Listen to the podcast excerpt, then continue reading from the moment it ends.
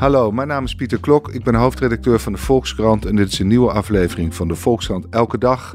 De dagelijkse podcast waarin we de achtergronden bij het nieuws bespreken en vooral ook proberen te schetsen hoe de wereld op tal van terreinen onder onze ogen aan het veranderen is. En vandaag gaan we naar een land dat zeker uh, aan het veranderen is op eigenlijk alle terreinen, China.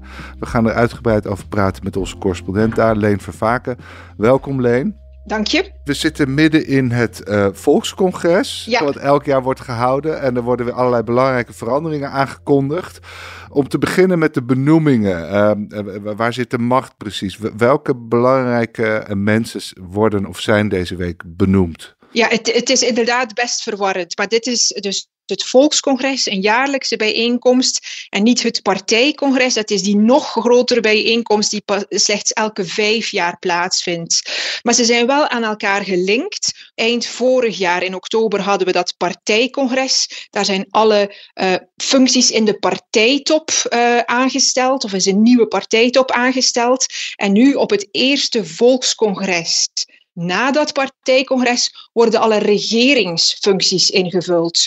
Dus oktober vorig jaar partijvoorzitter, politbureau, permanent comité, zo heten die functies in de Chinese Communistische Partij. En nu dit jaar, in maart, gaat het om president, om ministers, kabinetsleden, maar ook uh, functies binnen justitie, binnen het leger. Nou ja, de belangrijkste is natuurlijk die van president. Die wordt vrijdag verkozen. Uh, ik denk dat we allemaal wel weten wie dat wordt. Dat wordt uh, Xi Jinping. Maar ook de alle andere functies, uh, premier, vicepremiers, ministers, daar weten we eigenlijk grotendeels wel al wie dat worden. Om de eenvoudige reden dat het vaak de mensen zijn die in de top van de partij komen, die dan nu, een paar maanden later, hoge functies krijgen binnen de regering. Dus daar is enorme overlap. Ja, en, en welk beeld komt eruit naar voren? Want je hebt eerder al geschetst dat de partij eigenlijk een steeds groter grip op, op het overheidsapparaat wil gaan uitoefenen. Zie je dat ook in, in de benoemingen terug? Ja, absoluut. Wat je eigenlijk ziet, uh, Xi Jinping die is nu tien jaar aan de macht. Die heeft in die tien jaar inderdaad de macht enorm naar zich uh, toegetrokken. Heeft ook ingrijpende wijzigingen aangebracht in de grondwet die het hem mogelijk maakte om nu als president een derde termijn te krijgen. Dat hebben we nooit eerder gezien in de Chinese Volksrepubliek. En eh, ja, dat heeft zijn macht uiteraard al vergroot. Maar wat hij in de eerste tien jaar waar hij nog mee te maken had, is dat nog veel van de mensen rond hem in de partijtop eigenlijk benoemd waren door zijn voorganger. En dat dus die loyaliteit soms nog eerder aan zijn voorganger gebonden was dan aan zichzelf. Nu heeft hij in het partijcongres van afgelopen oktober de gelegenheid gegrepen om eigenlijk de volledige partijtop te vullen met zijn eigen vertrouwelingen. Mensen die hem door dik en door dun gehoorzamen, steunen, die hem niet uh, tegenspreken. En één daarvan is bijvoorbeeld Li Qiang. Uh, die wordt getipt. En we zijn eigenlijk 99% zeker dat hij verkozen wordt tot de nieuwe premier. En dat is bijvoorbeeld iemand die die lockdown in Shanghai heeft doorgevoerd. Waar ontzettend veel kritiek op kwam en waar hij waarschijnlijk zelf ook niet helemaal achter stond. Het zero-covid-beleid van Xi Jinping moest worden uitgevoerd. Dus dat heeft Li Qiang gedaan. En kijk, hij wordt beloond. Hij is op het partijcongres in de partijtop gekomen en zal nu zaterdag op de verkiezing voor premier naar alle waarschijnlijkheid uh, tot premier verkozen worden. Na het volkscongres kan Xi aan de slag met een volledige ploeg, zowel in partij als in regering, van mensen die zijn beleid trouw zullen uitvoeren. Los daarvan, misschien een kracht van China was altijd wel dat het beleid vrij technocratisch was. Dat die partij misschien ook een beetje op afstand werd gehouden. Dat uh, premiers, vicepremiers, ministers de ruimte hadden om gewoon ja, technocratisch verstandig beleid te voeren. Uh, klopt uh, de indruk, het beeld dat, dat dat nu fundamenteel gaat veranderen? Dat die partij met zijn wensen en soms ook grillen eigenlijk steeds bepalender zal worden bij wat er in China gebeurt? Er is inderdaad een beeld dat eigenlijk sinds het tijdperk van Deng Xiaoping, de, de leider die na het zeer verlammende tijdperk van Mao Zedong kwam en die een, een China richting markteconomie loodste, dat sinds zijn bewind er een, zoveel mogelijk een scheiding, of veel meer moet ik zeggen, een scheiding werd aangebracht tussen partij en staat. Waarbij het inderdaad, nou ja, de partij tekent de grote richting uit, zet de grote lijnen uit. De staat, die ministers, die premier, die uh, voeren uit. Maar dat zijn uh, in grote mate technocraten en die zetten eigenlijk goed bestuur voorop. Die ontwikkeling hebben we verder zien gaan, maar is heel duidelijk onder Xi teruggedraaid. En het is eigenlijk al heel erg op het vorige partijcongres gebeurd. Toen heeft hij echt die scheiding tussen staat en partij teruggedraaid en heeft hij heel veel bevoegdheden die aan de regering toebehoorden, eigenlijk onder partijcommissies geplaatst. Het grote kantelpunt was eigenlijk vijf jaar geleden. En wat je nu ziet, is dat verder gezet wordt en ook specifieker op bepaalde terreinen nog wordt toegepast. En een paar belangrijke daarvan zijn technologie.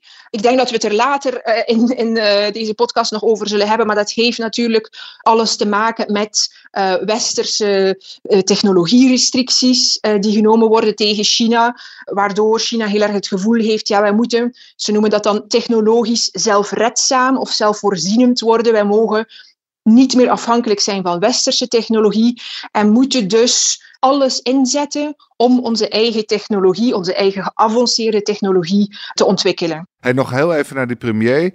Uh, hoe, hoe, verschilt hij van, zijn voorganger? Het, het, is, hij is veel loyaler aan, aan Xi Jinping, maar zijn er nog andere verschillen, ook ideologisch? Uh, voor, of is dat heel moeilijk in te schatten? Nou, die loyaliteit met Xi is uh, wel heel belangrijk, want in feite, dus de, de huidige premier hè, tot zaterdag is Li Keqiang. Die staat bekend als heel um, marktgericht, heel erg uh, voorstander van markteconomie, uh, van, van de private bedrijven, ook heel technocratisch. Uh, en eigenlijk uh, verschilt het profiel van uh, deze nieuwe premier, van Li Qiang, daar niet zo heel erg van. Li Qiang is um, provinciaal partijvoorzitter geweest in Zhejiang, in Jiangsu. Dat zijn twee provincies in het oosten van China die economisch ontzettend belangrijk zijn voor China. En is ook partijchef geweest in Shanghai, nou, het hart van de economie. En staat, of je had daar eigenlijk ook een reputatie die nou ja, ondernemers uh, heel gunstig gezind was en die ook goed met buitenlandse investeerders kon omgaan. Hij heeft bijvoorbeeld Elon Musk en uh, zijn uh, gigafabriek van Tesla naar Shanghai gehaald. Nou, dat was heel bijzonder, want dat is de eerste autofabriek die volledig in buitenlandse handen is, die nou in China werd toegelaten. Dus een, ook een zeer marktgericht figuur maar wel dus iemand die, in tegenstelling tot zijn voorganger, heel erg zijn carrière aan Xi te danken heeft. En we vermoeden niet tegen Xi zal ingaan. En natuurlijk, het, het economisch profiel van Xi Jinping is, is heel anders. Dus misschien zelf uh, zal die vooral gericht zijn op het westers bedrijfsleven, misschien ook te behagen. Maar het kan zijn dat hij instructies krijgt van Xi Jinping om om juist uh, uh, de, de staat een veel grotere rol te laten spelen in de economie. Uh, Leen, nu, nu is een belangrijke opdracht van China om na het, afgelopen jaar, wat, wat je toch als een crisisjaar kunt omschrijven, om weer, weer sterk te herstellen. Hoe denken ze dat te gaan doen? Ja, absoluut. De, het uh, Volkscongres stond ook erg in het teken van de boodschap naar buiten brengen. Wij gaan de economie herstellen. Het, de toekomst ziet er goed uit. Wij. Um, ja, geven privéondernemers alle ruimte. Dus wat er vorig jaar uh, gebeurd is, dat was een uitzondering, want je hebt niet enkel een crisis door het zero-covid-beleid, maar de economie is ook erg geschaad door enkele zeer ja, hardhandige ingrepen door de overheid in de economie. En dan denken we onder meer aan uh, een enorme ingreep in de vastgoedsector, wat eigenlijk het, vastgoedbedrijf Evergrande heeft, heeft doen kantelen, maar ook ingrepen in de technologiesector en bij de internetbedrijven. Dat heeft enorm veel waarde van die bedrijven weggenomen. En nu is de boodschap, uh, dat is voorbij. En wij ja, zien ondernemers, privéondernemers, als één van ons. Dat, dat was een boodschap die Xi Jinping letterlijk uitsprak. Vraag is natuurlijk of die privéondernemers dat na toch een hels jaar of een paar helse jaren uh, die boodschap nu zomaar zullen geloven. Wat ik heel vaak hoor, uh, voor zover mensen uitspraken doen over politiek, is toch ja, eerst zien dan geloven. We willen actie, we willen daden en niet zomaar weer mooie beloftes. En er werd deze week, uh, ja, niet voor het eerst, maar ook duidelijk gespeculeerd op een andere wereldorde. Uh, waarin China ook, ook wel echt een andere relatie uh, gaat krijgen met, met de Verenigde Staten. De gekozen woorden waren ook harder dan voorheen. Hoe, hoe serieus is die verandering? Ja, dus je ziet op, op dit volkscongres op allerlei terreinen dat we eigenlijk een inkijk kregen in de denkwijze, de visie op dit moment van de Chinese overheid. Dus dat maakt zo'n volkscongres een heel interessant evenement. En dus inderdaad, economie kwam aan bod, maar ook het buitenlandbeleid uh, werd naar voren gebracht op een persconferentie van de nieuwe minister van Buitenlandse Zaken, Qin Gang. Dat is de voormalige Chinese ambassadeur in de VS. En hij sprak daar behoorlijk krachtdadige, ik zou zelfs zeggen dreigende taal. Hij prees heel erg een, een soort alternatieve wereldorde. Nu is dat niet nieuw. Eh, de Chinese overheid heeft, heeft eerder aangegeven dat zij niet eens zijn met het huidige internationaal bestuur. Dat zien zij als veel te zeer gedomineerd door de Verenigde Staten, door de NAVO. En zij, willen dat dat bijgesteld wordt. Maar op deze persconferentie gebeurde dat eigenlijk in, in nog veel ja, krachtiger bewoordingen. Er werd bijvoorbeeld gezegd dat de relatie tussen Rusland en China een voorbeeld is voor die nieuwe, betere wereldorde. Dat is denk ik een, een uitspraak waar bij veel, die bij veel uh, nou ja, luisteraars in, in, in het Westen uh, tot enige verbazing zal leiden. Maar de Chinese minister van Buitenlandse Zaken zegt, ja, als je het vergelijkt, de NAVO, die doen aan blokvorming, die bedreigen andere landen. In dit geval, die bedreigen Rusland. Hè, want volgens China is het hele conflict in Oekraïne toch veroorzaakt door een al te assertieve NAVO. Dus wij bieden daar een alternatief voor. Wij doen niet aan blokvorming. China levert bijvoorbeeld geen wapens aan Rusland. Dus wij zijn voor vrede, terwijl de NAVO, de VS, veel agressiever zijn. Dus dit is de logica die zij proberen ja, aan de man te brengen op zo'n persconferentie. En ja, die mogelijk bij sommige uh, landen buiten het Westen, in het mondiale zuiden, niet helemaal als onlogisch overkomt. Ja, maar dus, dus de relatie met Rusland, die dan als voorbeeld zou moeten dienen, betekent in de ogen van China vooral dat je naar vrede streeft en dat je niet doet wat de NAVO doet, enorme macht opbouwen als militair bondgenootschap en een ander land het, uh, ja, in, in, de verdrukking brengen. Precies, en dat je zoekt naar gemeenschappelijke voordelen, maar dat je je niet moeit met elkaars eh, interne zaken, dat je elkaars rode lijnen respecteert. En dan uh, denken we aan Taiwan, dus dat de VS in ieder geval ver weg blijft van Taiwan, ver weg blijft uit de Indo-Pacific. De minister sprak ook een paar keer van grootmachtdiplomatie. Dus eigenlijk komt er een beeld naar voren waarbij grootmachten zoals Rusland, China, maar ook de VS hun eigen invloedssfeer hebben. En daar met kleinere landen onderhandelen en op zoek gaan naar uh, gemeenschappelijke belangen. Het wordt overgoten met een saus van woorden als vrede, harmonie, vriendschap. Maar ja, uiteraard gaat het ook om een vorm van machtspolitiek. China zegt, ja, wij doen bijvoorbeeld niet aan unilaterale sancties, dat doen de VS wel. Maar ja, we weten allemaal dat China impliciet ook landen met economische strafmaatregelen onder druk zet om bepaalde politieke beslissingen wel of niet te nemen. De, de tekst klinkt ja, ja, zeer ronkend en vredevol en uh, moet aan de werkelijkheid uh, afgemeten worden en, en, komt dan ietsje minder vredig over. Vooral omdat er eigenlijk, wat, wat ik eerder zei, wel dreigende woorden werden gesproken richting Verenigde Staten. Op zich we zien die, die spanningen al langer oplopen. Maar hier zei de minister op een bepaald moment, als de VS niet ophouden met hun China-beleid, dan maakt het niet uit hoeveel vangrails we hebben, hè, die, waar men over spreekt, vangrails uh, om het conflict niet uit de hand te laten lopen. Het maakt niet uit hoeveel vangrails we hebben. Het zal toch tot ontsporing leiden of tot conflict en confrontatie. En hij zei ook nog, ja, daarbij zet de VS eigenlijk de toekomst van de mensheid op het spel. Ja, dat, dat zijn behoorlijk omineuze bewoordingen. Er wordt door de Verenigde Staten wordt erop gespeculeerd dat China ook wapens aan Rusland gaat leveren. Dat valt hier niet onder, neem ik aan, onder deze boodschap. Nee, daar wijst China gewoon uh, terug naar de Verenigde Staten. Hoezo beschuldigen jullie ons dat wij wapens zouden leveren, wat helemaal niet gebeurt, terwijl jullie zelf wapens leveren aan Oekraïne, maar ook aan Taiwan, dat in Chinese ogen uh, onlosmakelijk deel uitmaakt van China. Dus ja, jullie hebben ons niet te beschuldigen, want jullie doen dit allemaal zelf. Parallel hieraan loopt natuurlijk ook een technologieoorlog. Amerika wil ook dat, dat, het Nederlandse ASML geen geavanceerde chipmachines meer aan China levert.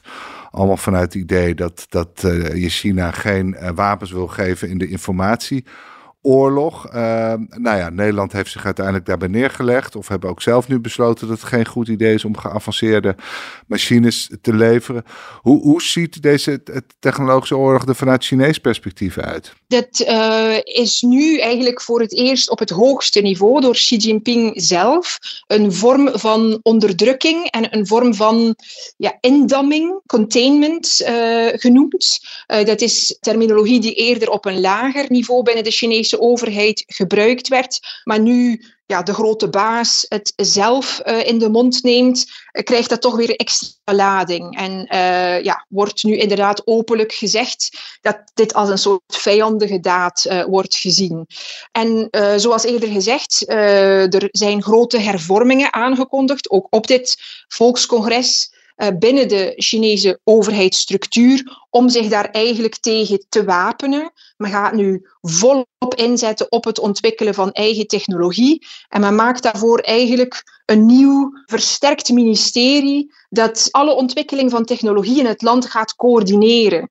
Ja, je kan je voorstellen dat de ontwikkeling van geavanceerde technologie, dat is uh, ja, een kwestie die bij heel veel verschillende organen zit. Dat zit bij bedrijven, privébedrijven, staatsbedrijven, ook bij universiteiten, kennisinstituten, maar ook bij uh, allerlei overheidsinstellingen. En eigenlijk zegt men, wij gaan dat met één ministerie uh, volledig stroomlijnen. Wij gaan zorgen dat alle neuzen in dezelfde richting staan en dat daar ook heel veel geld naartoe gaat. En dus uh, dat wij versneld onze eigen Chinese uh, high-tech kunnen ontwikkelen en die westerse technologie niet meer nodig hebben. Maar er zit een soort paradox, hè? Want, want je hebt het gevoel dat dit soort technologische ontwikkelingen heel erg uh, gedijen bij een soort vrijheid en, en juist niet te veel regie van bovenaf. Maar nu gaan ze proberen eigenlijk ja, bijna, bijna dat, dat de staat de leiding krijgt bij een soort een gigantisch technologisch project.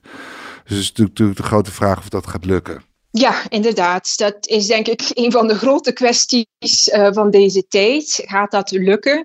Uh, ik heb er eerder een artikel over geschreven naar aanleiding inderdaad van al die uh, technologierestricties en met name ook de, de bijkomende restricties vanuit Nederland en ook vanuit Japan. En die vormen toch een beetje het sluitstuk van die Amerikaanse restricties. Het net sluit zich nu echt. Kan, kon China voorheen nog zeggen, nou, die Amerikaanse restricties die omzeilen we dan via andere landen. Dat wordt nu wel erg moeilijk.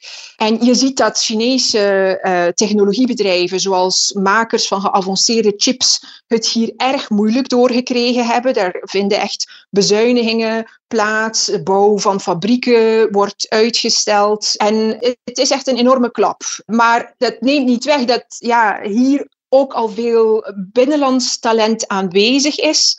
Uh, voeg daarbij dat daar nu enorme uh, sommen geld uh, in geïnvesteerd zullen worden.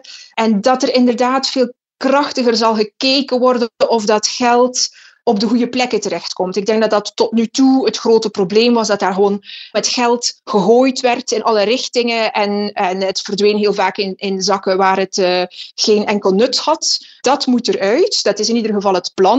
De bedoeling is dat het geld nu terechtkomt bij mensen die uh, hier verstand van hebben. Of dat tot de gewenste resultaten zal leiden. Ik denk dat niemand dat met zekerheid kan zeggen. Ik hoor specialisten zeggen dat dat niet snel zal gebeuren, dat dat minstens tien jaar zou duren. Maar goed, vanuit Chinees perspectief is, is tien jaar een zeer kort uh, termijn. Helene, hoe, hoe versla je dat congres eigenlijk? Is, ben, je, ben je aangewezen op je computer? Kun je erheen? Kun je met mensen spreken? De verslaggeving is heel erg gebaseerd op documenten. Worden documenten vrijgegeven bij elke uh, plenaire sessie, bij elke persconferentie. Het is heel veel rapporten lezen, best uh, in taai uh, taalgebruik opgesteld en ook op zoek gaan naar waar liggen de verschillen met voor, voorgaande jaren. Bepaalde formuleringen klinken heel indrukwekkend, maar blijken dan eigenlijk ieder jaar ter, terug te komen. Ja, daar zit het nieuws niet. Je kan er in theorie ook heen. Voor COVID kon je als uh, correspondent eigenlijk elke plenaire sessie en elke persconferentie bijwonen. Het heeft wat voeten in de aarde. Het uh, vergt nogal wat aanmeldingsprocedures en, um, en uh, bureaucratie, maar het, het, het, het, was zeker mogelijk. De hoop was dat dat op, nu na COVID, hè, de COVID is overwonnen verklaard, dat dat opnieuw zou kunnen, maar dat ja, blijkt uh, een stuk moeilijker. Uh, ik heb zelf mij voor zowat alles aangemeld, maar ik ben enkel uitgenodigd voor de persconferentie van de minister van Buitenlandse Zaken. Maar bijvoorbeeld de openingssessie van het uh, Volkscongres, wat ik heel graag had willen meemaken, dat vindt plaats in de grote hal van het volk, geeft soms nog eens mogelijkheid om zo'n gedelegeerde aan te schieten en wat vragen te stellen. Niet dat er heel veel antwoord komt, maar ja, het, het is de enige kans, zeg maar. Maar dus daar uh, ja, kreeg ik geen uh, toelating voor. Uh, de reden is dat die ze aangeven is dat we in een transitieperiode na COVID zitten. En dus dat, er, dat nog niet alle stoelen bezet mogen worden, dus dat er plaatstekort is. Maar dat ja, is een beetje wrang, omdat we ook weten als correspondenten dat er heel veel journalisten ingevlogen worden vanuit het buitenland. En dat gebeurt in het kader van een beursprogramma, betaald door de Chinese overheid, waarbij zij journalisten uit uh, het mondiale zuiden, uit Afrika, Latijns-Amerika, Azië, uitnodigen voor een vier ma maanden durend programma in China. Uh, en dus als onderdeel, eigenlijk als eerste onderdeel van dat programma, mogen die mensen allemaal in het publiek plaatsnemen uh, van dat volkscongres. Die zitten op jouw stoel. Dat gevoel ontstaat een beetje dat iemand die op zich niet erg veel weet van China, die hier nog maar net aangekomen is, de plaats inneemt van mensen die hier vaak al jaren China verslaan. En misschien meer kleine zaken zouden kunnen opmerken die iets, uh, ons iets vertellen over, uh, over de huidige stand van zaken in de Chinese politiek. Maar het laat eens te meer zien dat ze kritische journalisten het liefst uh, op afstand houden. Nou ja, ik moet er misschien wel bij vermelden, sowieso is het een, een theaterstuk. zelfs als wij als correspondent daarbij mogen zijn bij alle persconferenties, dat heb ik ook eerder in een, in een artikel opgeschreven, moeten vragen op voorhand worden ingediend. Het is zelfs zo, je moet vooraf worden uitgenodigd om een vraag te stellen. Er gaat vaak een soort van onderhandeling aan vooraf over waar die vraag over precies, over moet gaan. Dus er is helemaal geen ja, persconferentie in de eigenlijke zin van het woord, waarbij mensen uh, spontaan en onvoorbereid vragen kunnen stellen aan hooggeplaatste politici of functionarissen. Ik krijg nog meer bewondering als ik het allemaal zo hoor. Onder welke moeilijke omstandigheden jij moet proberen om uh, ja, toch elke keer weer zo precies mogelijk te beschrijven welke kant China uh, opgaat. Dank voor je heldere uitleg. En, en, graag tot de volgende. Graag gedaan. En u luisteraar, dank voor het luisteren naar deze aflevering van de Volkskrant Elke Dag. En morgen is er weer een politieke aflevering. Een presentatie in handen van Gijs Groenteman. We gaan het uitgebreid hebben over de aankomende verkiezingen. Graag tot dan.